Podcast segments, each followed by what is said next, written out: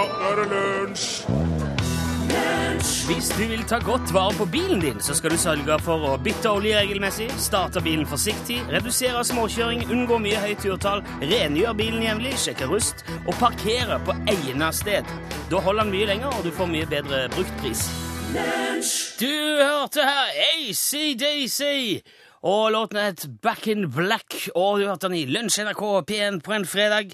Hei. En uh, uhøytidelig poll vi har gjort på våre Facebook-sider nå i morges. Jeg vet ikke hvorfor det tonefallet kom, men det viser i alle fall at uh, det som opptar folk på en vanlig fredag i september i Norges rikeste land i 2012, det er at verden er så syk at selv oppvaskmaskinene går på tabletter.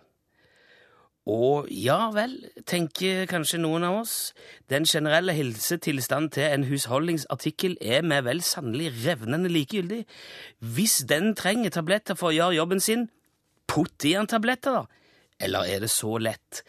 La oss si, da, at en ganske ny oppvaskmaskin begynner å skrante og tulle etter bare noen måneder. Bestikk og serviser kommer ut mindre og mindre rent. Det er flekker, rester av både det ene og det andre. Og dette begynner å plage deg. Du forteller kanskje om det til naboen, og så sier naboen da ja, har du, har du prøvd å gi han tabletter? Ja, så tenker du kanskje gi, bare gi en tablett. Altså Uten diagnose skal jeg, skal jeg starte medisinering uten noe utredning, ingen vannprøve, ingen måling av avløpstrykk. Ja, sier naboen, det er ikke noe far. Hva er det verste som kan skje, sier naboen. Det blir i hvert fall ikke mer skittent, sier han kanskje. Nei, kanskje ikke, men hva med maskinen? Kanskje trenger han bare noen å prate med, kanskje trenger han bare et lite klapp på dekselet, et trøstende ord.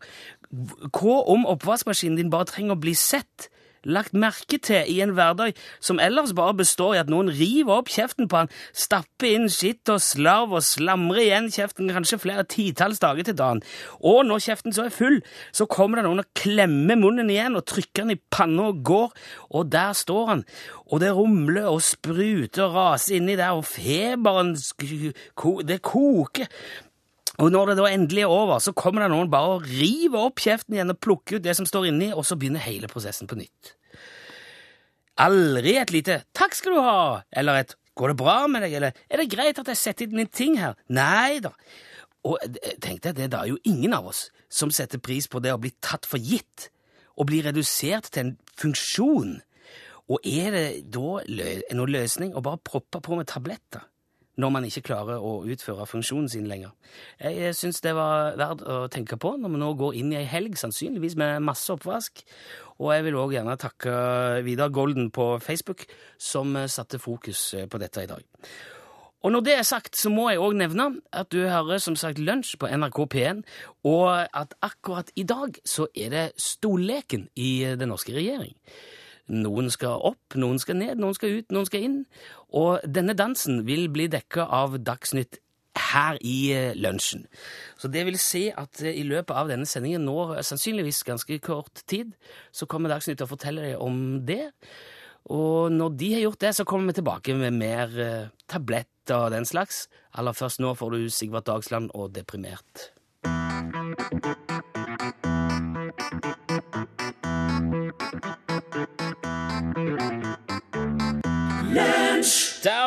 Vet du, god gamle Lurie ja, Gammel er hun vel ikke blitt, takker, men hun sang i hvert fall Euphoria. Låten er jo en god gammel etter hvert nå. Han var jo med og vant Melodi Grand Prix i uh, år. Si velkommen til meg, den nye radioministeren. Velkommen, minister Falksted. Artig med sånne ministerpostskifter, vet du. Ja, ja. Det sto leken, som sagt. Vi, ja, nå, er, nå, er, vi jo her igjen. Det ble jo en litt amputert sending i dag, men vi, vi får jo bare stappe på så best vi kan her. Uh, for vi, skal, vi, har jo mye vi skal innom.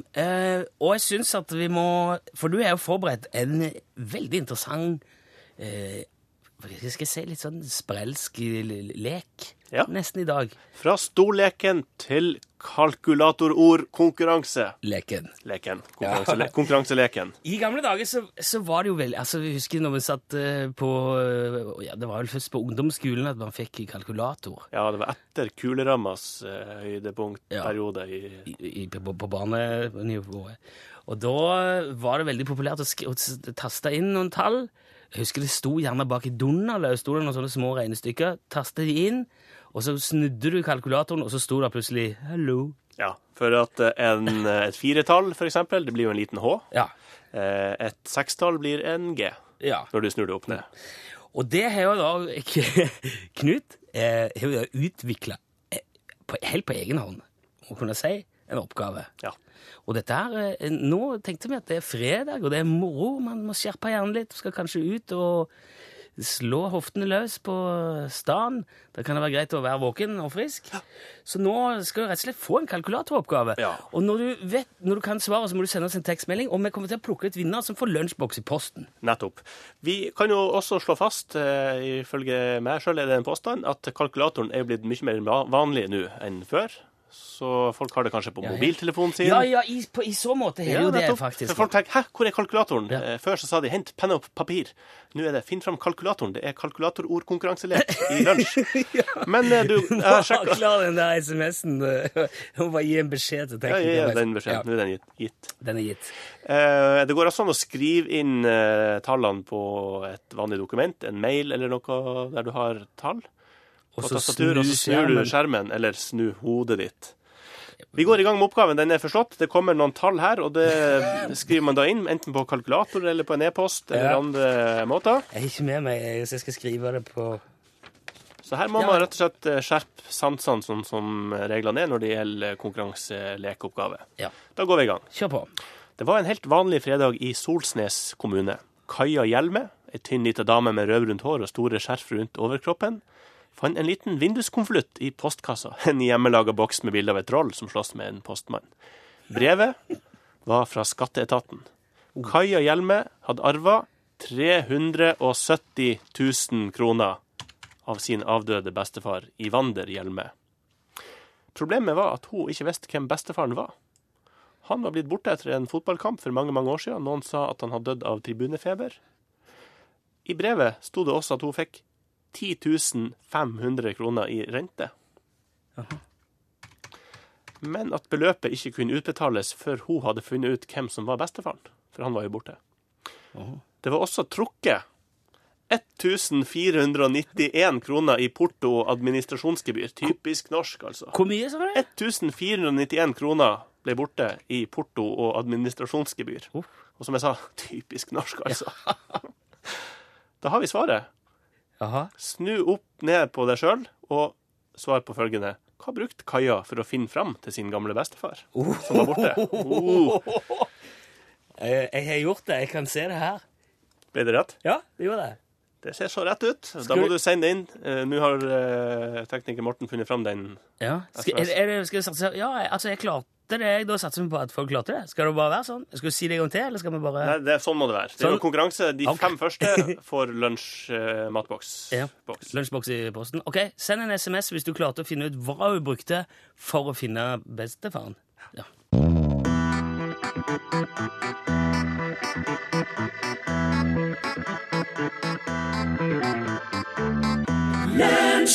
Hørte du de to sjarmerende søstrene fra Sverige som kaller seg for First Aid Kit når de utgjør en uh, countrymusikkduo. Og de sang Blue. Ja. Veldig fin. Veldig fin Jeg, jeg, jeg, jeg møtte de der i sommer. faktisk De var spilte på festival. Ja. Veldig trivelige Ja. folk. Ja. Jeg sa en gang på radio at de var norske. Og en gang så trodde jeg det var to norske søstre. Og da, for å si det sånn, radioen sto ikke stille der ute. Nei. Du, der er det der eh, Den oppgaven, altså kalkulatoroppgavetall-leken, var altså Der er to muligheter nå, slik som jeg ser det. Hvis jeg stiller meg litt på avstand, observerer dette som en, så, som en bystander, så vil jeg si at eh, enten var det veldig lett, eller så har vi i lunsj ekstremt oppvakte, kjappe og smidige lyttere. Tror du det var mange som brukte kalkulator, eller er det mange hoderegnere der ute? Det er jo i tilfelle veldig smart gjort, for hvis du har regnet ut i hodet, så må du på en måte snu tallet mentalt. Ja. Mentalt. ja, og bare ta det ut av lufta, det er jo enda mer imponerende.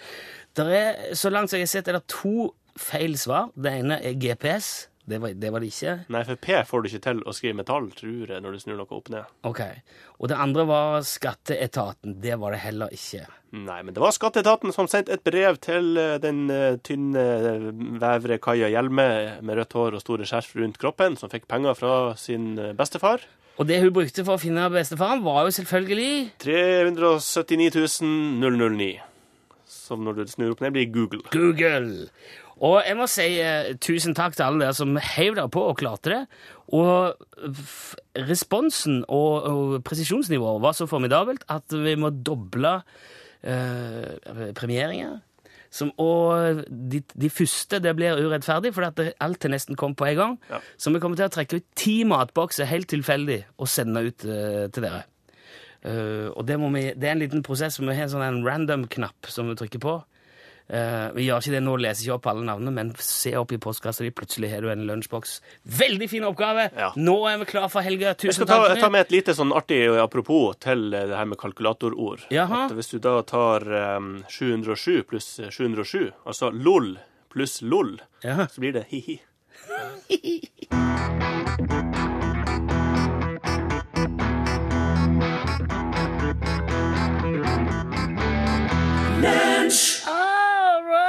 var The Kings. You really got me. Vi skal til noe som jeg har vært innom mange ganger før i lunsj, nemlig islandsk. Flott språk. Det er et, eh, det er et fortreffelig språk. Det er voldsomt flott. Og det som er så gøy med islandsk, som jeg også har vært inne på før, det er at de har jo, eh, islandsk har jo ingen låneord. Altså, de har ikke computer, eller eh. Språklig proteksjonistisk Ja, veldig. Og de er jo ikke det er altså 250 000 mennesker. Og de har dette språket, og det er jo ikke så mye mer de har. En vulkan og en sånn eh, par heitapotter som de eh, bader i på hytta. Så Derfor passer de veldig godt på ordene sine. Og Det betyr at eksempel CD blir geis, geisladiskur, som, be- som betyr stråledisk. Ikke sant? Ja, ja. Uh, jålhest. Jålhest? Jålhest. Det blir sykkel. Det er sånn, eh, Ja, ja, hjulhest. Hest med sykkel- Ja, hjul. som liksom Ja. jernhest var et lokomotiv i gamle dager. ja. Og, og bilnaust. Garasje. Ja. Bilnaust Bilnaust. ble garasje. Og det som er mest ja, Nå, nå, fikk du, jo- nå så du jo eksemplifiseringen her. Det, bilnaust er garasje. Det tok du intuitivt. Ja. Og det er det som er så fascinerende med islandsk, at det, det er veldig intuitivt. Det er veldig logisk, og det er veldig likt norsk. Det er jo på en måte gammelnorsk. Uh, og derfor, uh, siden jeg ikke kan islandsk på ordentlig, så jeg Jeg tror at det er så logisk at jeg kan lage islandske ord som er så intuitive og selvforklarende at du forstår dem. Ja vel. Ja. Så jeg har laga noen eh, islandske ord. eh, og så skal, jeg tenker jeg skal se om, eh, om de duger, da. Om du klarer det. Om det henger så Er du klar for det? Jeg er lutherøre. Luftarøre. OK. Armlauskofter. Eh, Armlauskofter. ko- eh, ja, det må jo være eh, eh, T-skjorte. Ja, det er akkurat det det er. Arm- Armlauskofter og T-skjorte. Ja. Eh, skoddepumpar. Skoddepumpe. Skoddepumper! Skypumpe. Nei. Nei, det det er ofte brukt på, i, i diskosammenheng og Røykmaskin. Røykmaskin, selvfølgelig. Skoddepumper. Ja, det er helt Taklauskjerra. Eh, Gjenta. Taklauskjerra. Kabriolet. Ja. det er helt riktig. Det, ser du, dette er så, Ja, så lett det det- er med islandsk. OK. Uh, skal vi se. Det neste er Ledningsløse tatlakasser. Eh, ledningsløs ta, eh, tastatur. Trådløst tastatur. Tatlakasser. Tatlakasser. Ledningsløse tatlakasser. Mobiltelefon. Nei, ikke helt. Det- Hva er det? Det er, Tatlakasser? Det veldig, er ikke så intuitivt som det er veldig relatert eh, til det vi driver med her. eh. Radio. Det er rett og slett en radio, ja. Ledningsløse tatlakasser. For det er altså Ja, ja, ja. ja, Trådløs eh, snakkekasse. Ja. Uh, Snyterskaftsprutler. Nesespray. Yes. Flapperhytta. En til? Flapperhytta. Nei Nei, det er helikopter. Den er kanskje litt vrien, for det helst spiller jo på den lille hytta som henger under ja, flappa. Cockpit, Ja. liksom. Ja, den, det var ikke intuitivt. Nei. Bodla kjøttkaker. Bodla? Kjøtt, Bodla kjøttkaker. En type kjøttkake, men hva slags? Med bodla. Bodla. Bodla. Bodla, vet du. Bodla er kjøttkake. Det er hamburger. Hamburger? Hvorfor det? Jo, for det er en bolle rundt, liksom. En bodla. bodla. En bolle. Bo, bo, oh, ja, sånn bolle? Ja. Brød, liksom, rundt? Ja, ja, ja. Hamburgerbrød, ja, kjøttdeig? Kjøttdeigkake imellom. Ok, jeg skal ta med et par til. Bare for å se at det holder. For nå er vi fortsatt på plussida. Ja, det er åtte av ti, tror jeg. Ja, minst. Skriverkasser. Skriverkasse Skriverkassur. Hva peker du på nå? Er er printer. Ah, ja, ja. Ok, du skal få med en, en siste. ja. Nå må du bare, Hvis ikke du er glad i dette, så må du se deg det rundt i rommet. Det blir ikke premie på meg. Nei. Talerkjepp. Mikrofon? Ja, det er mikrofon. Ja. Og dermed har vi altså bevist at islandsk er kjempe, kjempelett.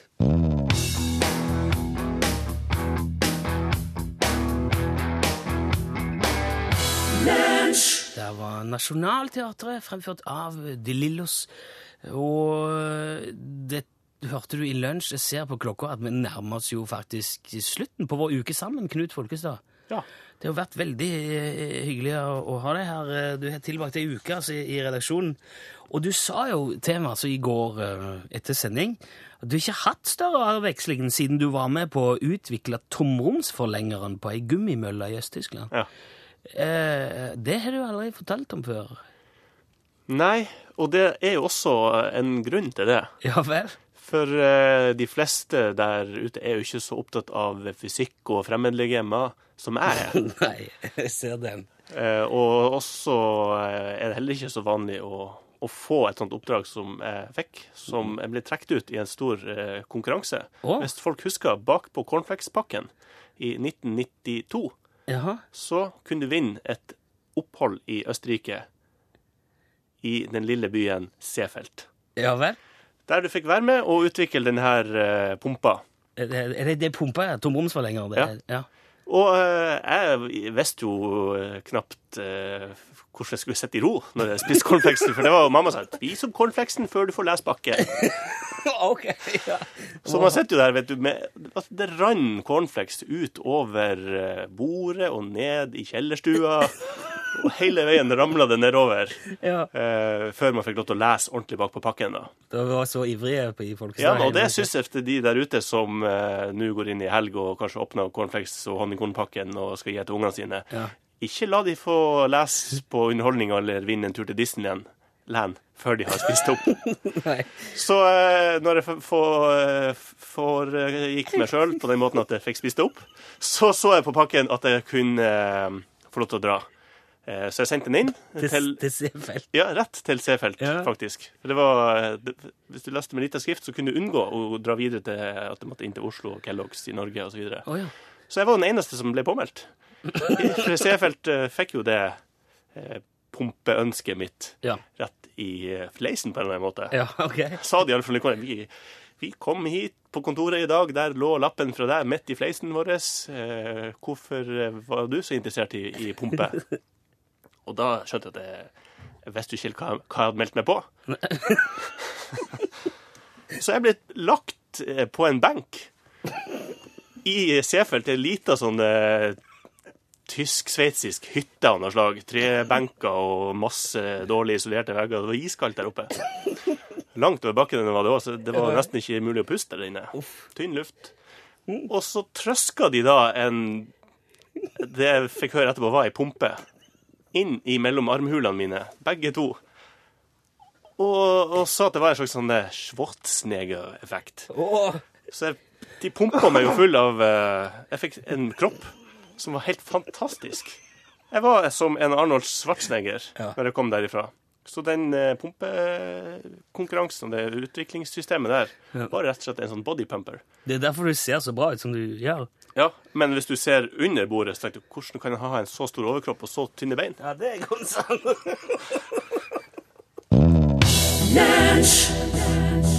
Ja, jeg, må si det gjør meg vondt. Iggy Pop, min gamle venn og sabeldrager, og feide deg her, men klokka er så mye at vi skal overlate eteren til uh, Hilde Sahl og Norgesklasse Øyeblikk. Det var The Passenger du hørte litt av her.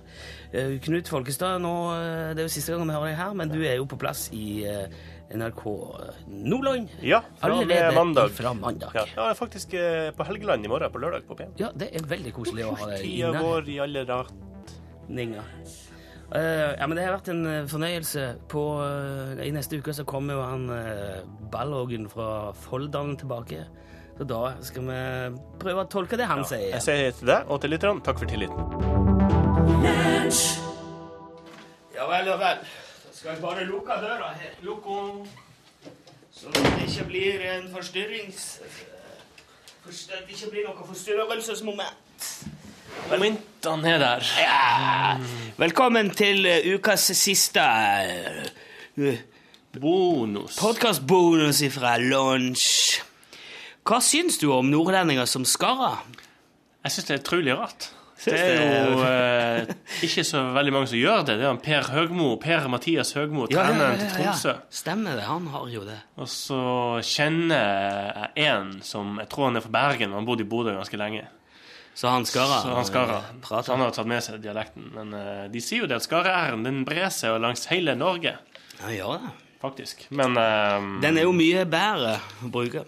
Skareæren er jo mye mer sånn er det lettere for unger for eksempel, å lære? Er det noe Nei, i visst det? det. Er, jeg tror eh, Altså, han er, han er sånn Han er, han er, er mer naturlig i I Ja, som ergonomiske ja, målsettingstrekk. Fysioglistisk eh, Men jeg er jo en, eh, er en puritaner når det gjelder språk. Hvis Ja. du sier skjøtt og kino til meg, så Får du en i begynner du å skrike. Ja, Men det- eh, det er klart, klart, det er klart man sitter og vet at alle andre ting i verden har utvikla seg over tid. Så vi snakker jo ikke nå sånn som vi gjorde for 200 år siden. Så alt skjer jo naturlig. Så hvis det er at lyden er på vei bort, så er det Nei, greit. nei, nei, jeg syns ikke det er tju-lyd. Ja, kino. Kino. Ja, ja kino. Sier Det du har aldri hett kino. Jo, jo. Nei. Hva, hva sier du? Cappuccino? Ja, Cappuccino. Kino. Nei, men det er jo et lån, det er jo et italiensk lånord. Men altså, eh, vi sier jo kino med KJ. Kino. Kino. Kino. Ja. Og ikke, Kylling. ikke kino. Kylling. Sier du kylling? Jeg sier kylling. Kylling! Jeg tar- Kjøleskap! tar så hardt i som jeg bare kan. Ja. Noen ganger hvis jeg står fremfor med folk. Kjære deg! Kjære deg, har du vært i kjøleskapet og kyssa der? Nå må du være kjapp inn i kjøleskapet og hente, for vi skal på kino nå. Ser du det? Ja, ja. Så vi må tørke meg ut. Jo, men det er jo- kjeften etterpå. Ferdig. ja. Kjeften! Nei, men jeg kan godt eh, prøve å si det på en litt annen måte. Et sted mellom uh, Men gjør dere det? Er det sant? Jeg mener det. At det er Kino. på en måte TSJ. kino. kino. Ja, jeg, ja, jeg vil nok Kino. beskrive den lyden som TJ. Tsjetsjenia. Er du motstander av landet ditt, eller er du med der? Tsjetsjener. Tsjetsje- Din tsjetsjener, tsjetsjenia. Ja vel, ok. Nei, vi Tjen. Men det, er jo- jeg tror, i, eh, altså, jeg tror Rogaland var vel kanskje verst. Jeg tror Stavanger var sånn først og verst på det der kino og kjøleskap. Og, og så er det så, det er så teit, for de bytter det bare. Det er helt eh, meningsløst å si eh, Skal vi kjøre? Eh, Så Du, så skipet Og så sier eh, så, så alle kjipene i, eh, i vågen. Nei, det, er ikke fullt så ille, men det, er- det er ofte bytting. Akkurat som. Har du, har du tenkt på det kinesiske og det japanske språk som at de er motfasespråk? Jeg har tenkt på at de er ganske like, de to språkene. Nei, de er veldig ulike. Ja.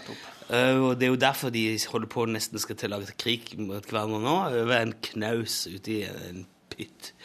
Fordi japanerne er jo veldig sånn Og de der roper og litt sånn eh, Og så sier de «Horr, horga, sakaramui korokasa, kurusawa. og sånn. Ja. Mm, eh, men eh, japanere kan ikke si eh, L. Og det, kan du, det merker du i Back tilbake til fremtiden. ja. Når han der japanske sjefen kommer på storskjermen og skal rope på faren til George McFly, så sier han 'McFly! What are you doing?' McFly, sa han. På- I stedet for McFly. Men kineserne de er liksom Og de klarer ikke å si R. Så de bytter med L. Så altså L og R faser hverandre ut. altså De motsatt i kinesisk og eh, japansk. For det at når japanerne skal si eh, Nei, når kineserne skal si R, så sier de L. Men betyr det at når en Så de japaner hadde, ikke, de hadde ikke klart å si McFry. De ville sagt McFly. Ja. Men betyr det at hvis to, en japaner og en kineser er et uh, eh, alene i et rom, rom. så blir det helt stille når de snakker? Ja, det gjør det. Det blir, du hører alt det andre, men du hører ingen R og ingen L. De, bare, de blir bare Mac. ja. Mac- Men det er jo fiffig, da. Ja, det, At de som kanskje mange ser på som uh, ganske intertwined, mm, som de sånn som jeg på dansk, har faktisk en, mot to, to sånne bokstaver som nuller hverandre ut. Det er L og R. interessant. Er det ikke litt det samme på spansk, men de nuller vel seg sjøl ut at B og V B, B eh, eh, Ja. Kom ikke på noe eksempel i, eh, i, i farta nå, men um, Bailando ba, Bayando. Ja, Bayando, Det er et eller annet med B og V der som, jeg, eh, Ah, ja. som ikke helt har klart å Ja, det der kan jeg for litt om. Ja. Men kineserne sier jo 'fried lice'. De sier ikke 'fried or rice'. Mm. Det Og så er jo den vitsen også med noe supplies. Ja, han er jo, eh, han er jo da kineser. Ja. Må jo nesten fortelle han nå. Det er, Jeg, hans, jeg det, kan med sluttpoenget, så det blir... ja, det er altså de, eh, Det er noe haug med skipbruddene som ender på ei øy. Og så er det en amerikaner, en tysker en, eh, ja, en gjeng. Så tar amerikaneren styring med en gang. Så sier han eh, 'You're in charge of uh, You're in charge of housing'. Så sier han til tyskerne. eh, Og så sier han til engelskmennene 'You're in charge of uh, the wood and fire situation'. Og så sier han til kineserne eh, 'You're in charge of supplies'. «Hå!» sier kineserne. Så bare springer han som faen. Så forsvinner han. Ja. Da er han vekke lenge. Helt til han plutselig hopper opp bak en stein og sier 'Supplies!' og så er det og så er det noen tyskere som sier 'Help us, help Nei, det er engelskmenn som sier 'Help us, help us, we are sinking'. Og så er det noen tyskere som svarer 'What are you thinking about?' Eh, Den er fin. Det er på sjøen. Det, Det er også den klassiske vitsen Artig at vi forteller mange vitser med sluttpoenget først, og så forklarer vi det bakover. Med han som er på eh, havet og skal be noen om å flytte seg. I see your lights, og can you please move, og sånn og sånn. Og så kommer det til slutt og sier "We, eh, This is a lighthouse. ja, ja. Så fyrtårnet står nå der. Uh, vennligst vik, ja. Ja. Eller så renner jeg i senk. Dette er MS Sofia. Vi har passasjer om bord. Jeg jobba jo da jeg var liten, i, eh, i hvert fall mindre, i et uh, østersoppdrettsfirma på Hamarøy. Selvfølgelig. Hvem har ikke gjort det? Det var de beste somrene man kunne ha, der man sto i uh, kjeledresser ute på en liten sånn metallflåte og tok opp østers og blåskjell og spyla de og senka de ned i havet igjen, så de fikk videreutvikle seg. Oh. Da hadde vi sånn sånne walkietalkier oss imellom der. Én var henta de her merdene og dem der østersen hang. Kjørte inn til flåta, løfta de opp, spyla det rent og slapp det ned igjen. Og da ble vi jo kommunisert med han. og OK, nå kan du komme og hente fem nye esker Ser du det? blåskjell. ja. Ja. Eh, Og plutselig på denne walkietalkien så hører vi bare MS Harstad, MS Harstad, kom inn. MS Harstad, MS Harstad, kom inn. Så blir det litt stille mellom eh, to 16-17-åringer. Helt vi tar den. MS Harstad her, MS Harstad her. Nei! Ja, og så Det her er jo eh, i- på Hamarøy i- på en måte i Vestfjorden. Så det var innerst i Vestfjorden ligger jo Narvik. Ja. Og da skipper du malm videre til Kiruna og Aha. Sverige og innover. Jeg tror faktisk du kan sende helt til Kina, om ikke det er feil. I framtida, iallfall. Det blir snakk om det med tog. Ja. Så det er en veldig viktig malmhavn. Så vi lata jo som at For det var tydeligvis noen som ville komme forbi det her båten, da. Og vi, nei, vi MS Harstad her, vi er på vei til eh, Narvik for å hente malm. Og sa, ja, hvorfor kan dere ikke flytte dere? Vi er avhengig av flo og fjære.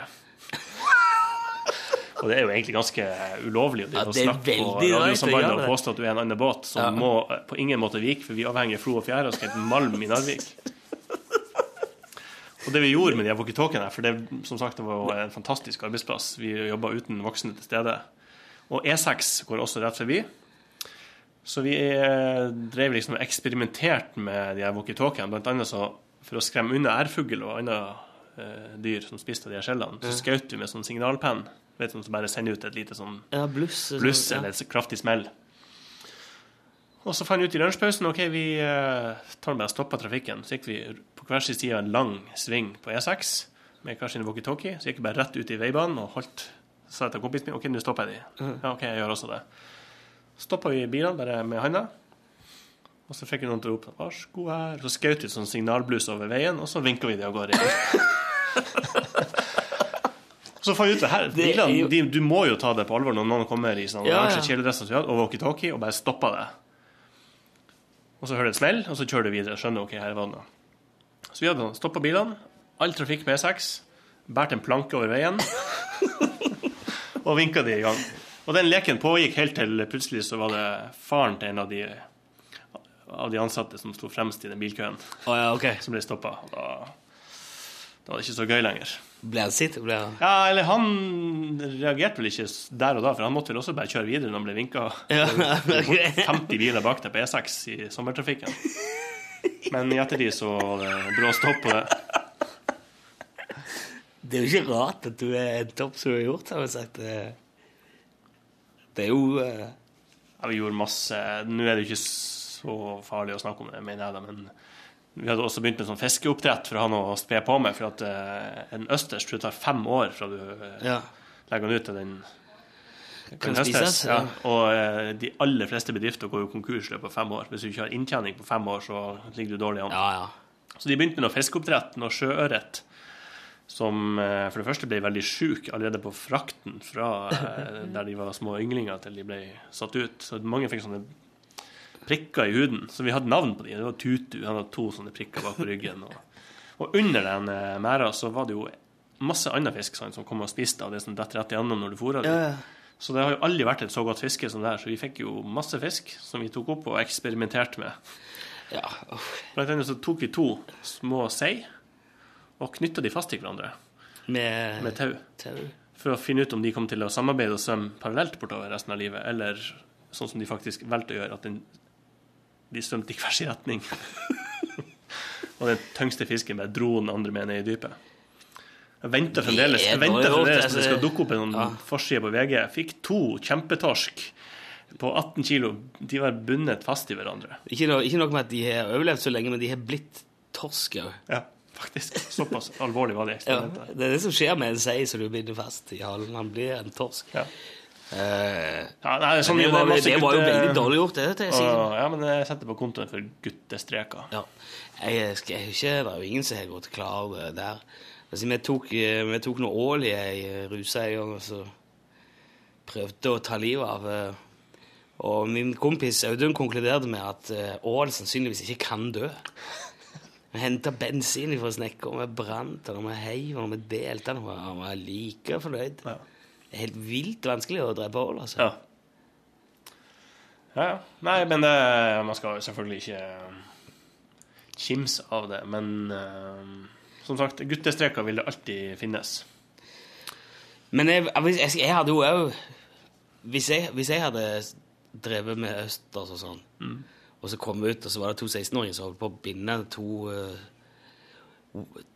Seitosker Sei-torsker i hop, så jo jeg og sa Hva faen er det dere holder på med?! er det er så rart at du ikke du, du slutter liksom å se den der Ja. Se gleden i de der tingene på et eller annet tidspunkt. Eller fascinasjonen i det. Jeg tror bare i ettertid sånn Vi snakka forleden om det. Du hadde, du hadde gjort det hvis, du, hvis det var ditt østersoppdrag? Oi, nei, å, det var veldig spennende. Jeg tror bare sagt eh, gutta, det der eh, jeg Det er ikke det her jeg betaler dere for å gjøre. Ja. For å ta den uh... Det er kjedelig. eh, Veldig kjedelig. kjedelige voksenpraten. Men vi snakka om det flere dager, for å bruke sykkelhjelm og alt mulig. Så her, da. Man Ja. skal egentlig være glad i ettertid for at eh, ting eh, går bra. Masse tull og fanteri man gjør som guttunge, med alt fra fenghette til dynamitt og slikt som eh, Ja, Jeg gjorde aldri det. Jeg er ikke, jeg er ikke sånn du gjorde det bare da du ble voksen. Da du begynte å leke Ja, da fikk jeg betalt for det. egentlig betalt for å se noen andre gjøre det. Jeg, syns ikke noe om det som voksen heller. Men eh, jeg hadde en kompis som eh, Han tok Slo Hamra vel på dynamitt, tror jeg. Ja, det har jeg sett. Og han mangler fingre. Han Ja, mangler en del ja. fingre i dag. Han sprengte de i stykker. Jeg var ikke med på det, men jeg la jo veldig merke til at han hadde jo Mangla jo noe der. Ja. Der, og så peker du mot hodet, du, eller peker du mot Nei, jeg, det var på fingrene. Ja. Nei, han var, han var veldig skarp, han. Stig Erik. Kanskje en av Han skilte seg ut i sånn positiv forstand i og han som fikk flåtene og fiskekassene til å sitte sammen ute i myra. Ja, han som på en måte Ja, det, det, sier, det er guttestreker. Det skal ikke alltid slås ned på av f.eks. onkel politi som kommer kjørende med blålys. Det går an å snakke litt til, de, til ungdommen, eller ta de hardt i nakkekragen og si at slutt. Vi gjorde sånn på vi, vi, jo, vi stilte oss kanskje opp to stykker midt i veien, altså eh, mot hverandre. Eh, eh, Midt på Altså med, med god veistrekning mm. i begge ender. Så hvis det kom en bil, så later man som om vi liksom dro ut en hyssing mellom oss. Et tau. Uten at det? Ja, uten at det. Så stilte man liksom bare på hver sitt fortau og sto og holdt hendene fram sånn. Bilene stoppet jo. Men det var, det var alltid veldig vrient, for når de stopper, hva skulle du da gjøre? Ja. Da var det bare snu seg og springe, og, og så later man som vi banker opp folk, og, og ble, liggende igjen. Og, og de, stopp, stoppet jo. Altså, jeg ble sikkert livredd. Stoppe bilen, ut, og, Ja, ja, ja. og så bare reiser han seg og springer. Men nå når du kjører bil og har sett, til, hvis du har sett noe, av det lignende, noe lignende, vil du da bare gitt full gass og tenkt ja, ja, det Eller hva ville du ha gjort? Hvis du husker din egen ja. barndoms... Nei, jeg vet ikke. Jeg syns det er veldig irriterende når folk driver Ja, du har jo fått slått bilen din med en stålveier. Du Ja, vet jo virkelig hvor det Ja, hender. men det var jo rent hærverk. Det var jo eh, noe annet enn om noen hadde lata som de eh, slo en vaier på bilen, og så viste det seg at det var bare luft. Ja. Men, eh, ja, ja. Men du vet jo ikke det heller når du kjører. Sant? Det er mørkt, og Ja. kanskje det er en tråd der, og eh, det, du, du kan jo ikke vite det. Du, du, eh, det hadde jo sikkert vært fristende å girt ned og tenkt at Men tenk hvis det var en ståltråd, da. ja. Så ødelegger du både fingrene deres og bilen din. Det, er jo ikke, det, Nei, er det kan man ikke gjøre. Det blir jo masse ekstraarbeid på alle vis. Alle visdomstennene skal trekkes. Før eller siden. I en eh, sammenheng som vi ikke behøver å gå i detalj om nå. Nei, nei, nei. Jeg, jeg syns at eh, unger, la unger være unger og søvn en god venn, Det er rett. som Shosho sa. Og eh, hvis ikke det går, så uh, syns jeg hun skal prøve å være en enhjørning. Det er vanskelig, men noen klarer det. Ja, det er jo, men du er jo Det er akkurat som å begynne å røyke. Du, du får det ikke til første gangen, men uh, trikset er å hang in det er jo, når du først har blitt en enhjørning, så er det jo tyngre å slutte å være det enn å slutte å røyke. Ja, det er det visst. For mange altså, kan gå over til snus, eller noen går over til å være en hestekjepp. Og så er det, det er tungt å være enhjørning, for det er jo eh, Det blir jo sett på nærmest som mytisk, og altså, mytiske skapninger har jo ingen juridiske eller formelle rettigheter. Du får ikke pass som enhjørning, for eksempel, for teknisk sett fins du ikke. Og eh, det er for seint å tenke på det når du skal på en sånn fotballtur til Liverpool og se Manchester United mot Brighton. Det er jo også veldig mange enhjørninger som ikke blir tatt seriøst i budrunder på boliger. De blir knapt uh, skula på i eh, visningsrunden, Det er jo sikkert fordi at folk tenker de vil ikke ha det der svære hornet inn i, eh, på, i, sine nysparkla vegger. Men eh, jeg syns aldri det er noe godt argument, fordi at uh, du betaler jo for overdragelsen. Og altså hva som skjer med de sparkla veggene når du har skrevet kontrakten, det er jo ikke opp til deg. Min erfaring med enhjørninger i sparkla omgivelser er egentlig veldig positiv, faktisk. oh, ja. Ja. For det, de er hensynsfulle, de er meget oppegående. Det er jo magisk òg, det hjelper. Det, det hjelper. Så om man skal si én ting, så er det derfor å bare akseptere hverandres ulikheter. Hvis du hadde kunnet trylle Hvis du hadde kunnet trylle sånn eh, Altså ordentlig holde på med ting, trylle ting Ikke sånn, eh, ikke sånn triks med sag og kasse og sånn, men virkelig fått ting til å skje. Hva tror du du hadde brukt det til? Jeg slår alltid et slag for det å være usynlig.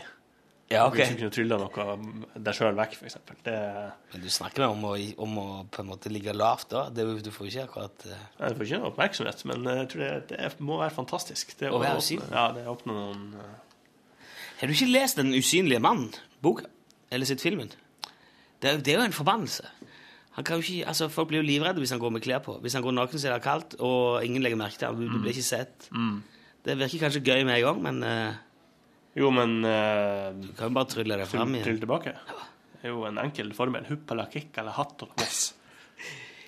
Vissi, vissi. Vissi, vissi, visuell. Fling, se.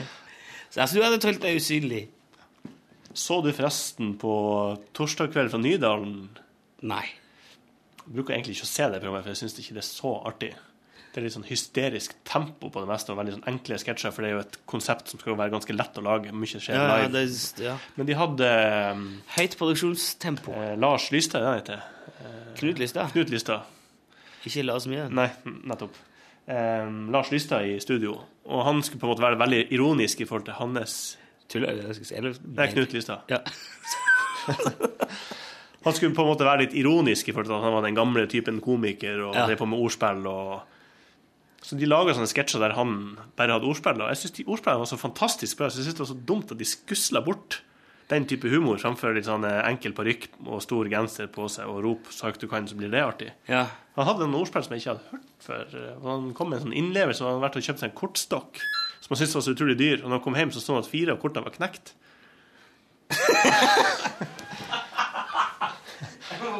Ja, nå ringer telefonen her. Hallo? Hei, Carlotto. Du, vi vil spille inn podkast. Kan, vi- kan vi snakkes litt senere, Carlotto? Ja, fint. Ja, ja, ja, gjør det. Jeg- om det. Hørte, var du, eh, hørte du Var du i Nitimen i dag, eller? Ja, ja. Så var- Jeg, jeg snakket med Espen. Jo, men eh, vi snakkes etterpå, Carlotto. Ja. Ja, fint det. Ok. Ja, det er halvtimes tid. Halvtimes tid. Ja, to, to tider, det er fint. Det er fint, Karl. Hei, hei. Det var Karl Otto. Karl, Karl Otto har vært på besøk her. Ja, Han har vært med på, på, på podkastene. Nei, Otto kjører Han kjører altså sånn minibuss um, Ja Maxitaxi minibuss Hvor grenseområde. ja, det er jo, det er jo et, en, et minefelt og et mørketall i søk og kav. Men uh, en plass i der holder han på. Og spiller munnspill og, og er en god venn av Espen Thorsen. Vi møttes faktisk første gang i Espens 50-årsdag for en del år siden, og han er veldig han er, han er glad i radio, han hører veldig mye radio. Han har vært på besøk her oppe, han har tatt toget fra Oslo opp hit for å besøke oss og sendeledelsen, Helge Raftvold. Tatt bilde av alle og Ja, så han er en av våre mest trofaste lyttere, Karl Otto. Så han slår på tråden en gang iblant. Ja, og nå har han vært inne og besøkt Nitimen i dag, da. Så da øh, har det vært uh, hæla i taket og kake i tapetene der. Ja, ja, ja. Hva var det du holdt på å snakke om før han, mens han ringte? Uh, Men jeg, jeg følte uansett det var, veldig bra, det var en bra slutt på det vi snakket om. Så uh, istedenfor å bruke tid på å lete fram seg sjøl igjen Ja, og i men minne. tenk hvis det ikke var det. Ja, hvis det var liksom Vi var innom enhjørninga, og så snakket vi om trylling da, og Ja, ja, det var jeg må nesten høre, Det er artig å sette seg ned og høre på sin egen podkast. Ja, det av og til, faktisk. Jeg klarer, jeg klarer ikke å gjøre det hver dag, for jeg synes det er veldig Det er jo rart. Men eh, når det er Det er litt viktig å gjøre det, tror jeg, sånn med ujevne mellomrom, bare for å ha en litt sånn forståelse av hva det er egentlig med å sende ut. Jeg synes, eh, Altså, noen ganger er den podkastbonusen, dette her, eh, kan være utrolig gøy. Men så er det andre ganger jeg føler at vi sitter bare og jæsler ut eh, helt meningsløse Og den skal bare skrike sånne teite ting imot Ja, ja. hverandre. Jo, vi snakker om uh, ordspill. For Ja, det, det, det, for Når du sa det med skriking og meningsløst, så det er det jeg kan få følelsen av på torsdag kveld fra Nydalen. At det, Ja. Det er parodier, men de er så lett laga der man bare tar på seg en grå parykk, og så er det gjort. Mens da Lars Lystad Knut Lystad. Knut Lystad Hvordan har jeg fått det? Jeg skal nevne det samme navnet som deg, til og med. Det er jo Ja, jeg tror det er Trond Kirkvaag, Lars Mjøen, Knut Lystad. Ja. Så blanda alt det der. KLM.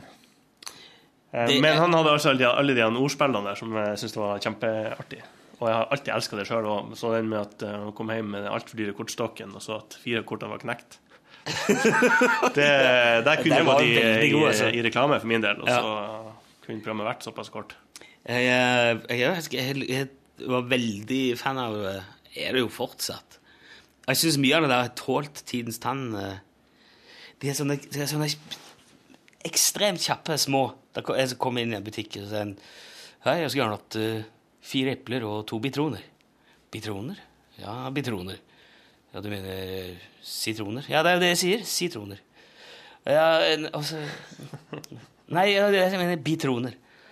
Men eh, Ja, jeg har nemlig en talefeil, så jeg kan ikke si B. Å, du mener C? Hvor da? Nei, jeg mener, jeg kan ikke si C. Ja, riktig, jeg kan ikke si B. Ja, men S? Da kan jeg si S. Ja, ja. Sirup, snipper, syltetøy og salamander. Ja, hvorfor bruker jeg ikke det isteden? Det? Mener dyltetøy, diruptipper og dalamander? Nei. Å, jeg bare, å, jeg skal bruke S i stedet for B. Ja, så, så i stedet for bitroner skal jeg si, si, si sitroner! Ja! Og så er det slutt. Ja, det er godt. Dyltetøy, dirupdipp og dalamander, det, skal, det snur så fort. Det, Ja. sier et, uh... De har også mitt favorittnavn i en Det er vel eh, Brødrene Dal, der de er på Finnmarksvidda og kommer til samevirkelaget. og så er det jo selvfølgelig eh, noen familieforhold der, så du har Mikkel-rev, og så har du Sattosk-rev. Som jeg mener, det, det ordspillet her er så avansert at det Ja. Mikkel og satt og skrev. Mikkel og satt og skrev. Ja, det, Det kommer fra på en dette. Jeg har jo eh, Det er en av, også en av mine favorittopplevelser, faktisk. Trond Kirkvaag, den nå avdøde. Jeg skrev et brev til han da jeg gikk i åttende klassen, tror jeg det var. Og skrev at de var tre stykker på Hamarøy som drev på med litt samme type humor, og om han hadde noen eh, tips til eh, rikdom og ære og berømmelse. Det ganske lang tid. kom det tettpakka, eh, tettskreven A4-side på skrivemaskinen. Hæ? det står eh, 'Lynkurs i humor del 2'. Det var aldri noe igjen, selvfølgelig. Det, var, det synes jeg var kjempeartig. Lynkurs i humor. Har du det ennå? Ja, ja, selvfølgelig. Wow! Og det er så bra han skriver helt seriøst om at uh, det finnes ingen snarvei til uh, da skulle han vært uh, millionær for lengst. Og, men dere tre, eller dere har en fordel som vi ikke hadde. Video. Film dere selv og se dette etterpå. Hva fungerte, hva fungerte ikke? Så det var liksom sånn gode tips til hvordan man skulle være. Og det tenkte jeg, det hadde ikke han trengt å gjort. Som en av de største, de største komikerne i Norge. Å skrive et sånn langt brev på skrivemaskinen til en liten guttepjokk på Hamarøy. For Og så har jeg møtt han bare noen få ganger etterpå. fyr, og klart altså. aldri å si det til han. Jeg, så, jeg jobba jo ikke i Oslo da, og så når jeg var på Marienlyst, så får du sånn ærefrykt. Ja. Eh, og jeg husker jeg sto ved siden av han på do i NRK-huset og burde sagt du, det brevet du sendte meg i 1986, det har betydd masse for meg. Det var utrolig kult at du gjorde det. ja, det var Så, synd at du ikke gjorde det, Ja, altså. Men eh, han var jo sj- sjuk lenge, så jeg sendte et brev til han. Eh, der, som jeg håpa han fikk eh, Ja. lest før. Eh, så jeg fikk på en måte takka han for den slags. Så det er også en eh, lærepenge for oss som i dag jobber i media. Kommer det en henvendelse fra noen der ute, så skal de helst ha et uh, Pleier, ja, pleier faktisk det, altså. God regel. Uh, jeg traff eh, Trond Kirkevåg en gang på en gullrute Etter ei gullruteutdeling i Bergen. Det var sånn uh, Det er så fest langt på kvelden, og så ut og Det er en stund jeg skal Kanskje en time til flybussen går, eller Og på det der gullrutegreiene så er det sånn chartra Eller de er sånn Alle reiser sammen. Det er helt sprøtt å, være på det flyet, for det er sånn chartra fly. Alle settes på samme fly. Du får billetter ifra ifra Det er jo en risky business for showbiz. Ja. Det bør spredd utover, sånn som de gjør med kongefamilien. Ja, ja, ja. Hvis det flyet styrter, så Men det, det samme gjør de med sånn, de gamle dager når Bylarm var rundt forbi. Så jeg dro til Tromsø på Bylarm et år, og hele Musikk-Norge sitter der. Altså alle, altså Nesten det som er av artister, management og, Og journalister Hei, alle altså, Der flyet ramler ned nå. Det er, det er, jo- det hele musikkbransjen må bare legge om. Og det samme med det der Gullruteflyet.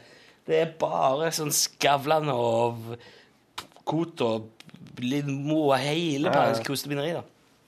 Men da gikk vi rundt i, i, i Vågen i Bergen, og så så Kirkevåg Og da hadde vi så hilst på han. Jeg tror han fikk sånn ærespris det året, og vi vant pris. Og, og så jeg hadde hilst så vidt. var, Vi visste om kom vi gjorde, og jeg visste, jeg visste jo litt om han her.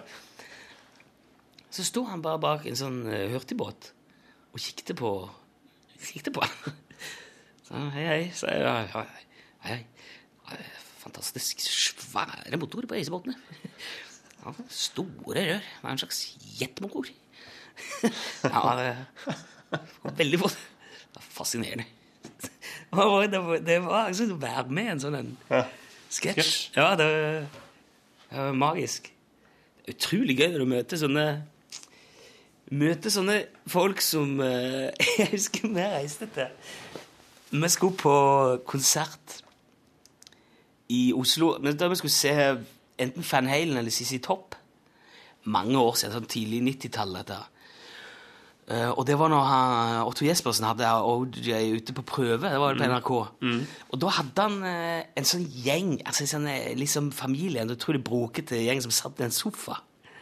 Deriblant satt Peter Garden. En svær fyr som vi hadde sett før, for han var med i en del sånne teite videoer med Primavera, Marius Müller og sånn. Uh, så vi visste veldig godt hva han var, og han har vært med på TV der. Så var han på Oslo eh, altså på City, Oslo City, er det det det heter? Det er kjøpesenteret midt i byen. Og hadde han eh, skulle på polet. Så går jeg inn på polet, så trekker jeg kølapp. Og så ser jeg at det er en sånn hurtigkasse. Så jeg kan jo like godt stå i den køen og vente som jeg står her, bare. Og hvis, kommer, hvis det går fortere, så ok, og hvis ikke, så går jeg bare ut igjen. Og så gikk det jo mye fortere. Så da sto jeg der med en kølapp. Og så, på, når klokka blir ett eller to, eller hva så ruller de ned det der gitteret halvveis.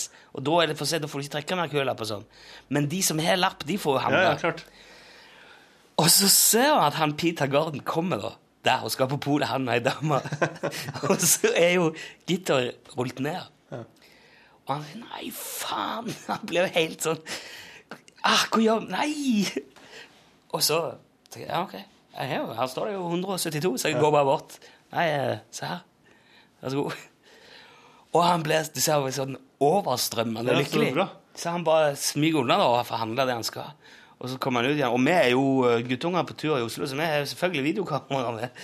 Så da er vi her en eller annen plass og her på video at han sier inn i kameraet så, Hei, dette er Peter Garden fra OJ.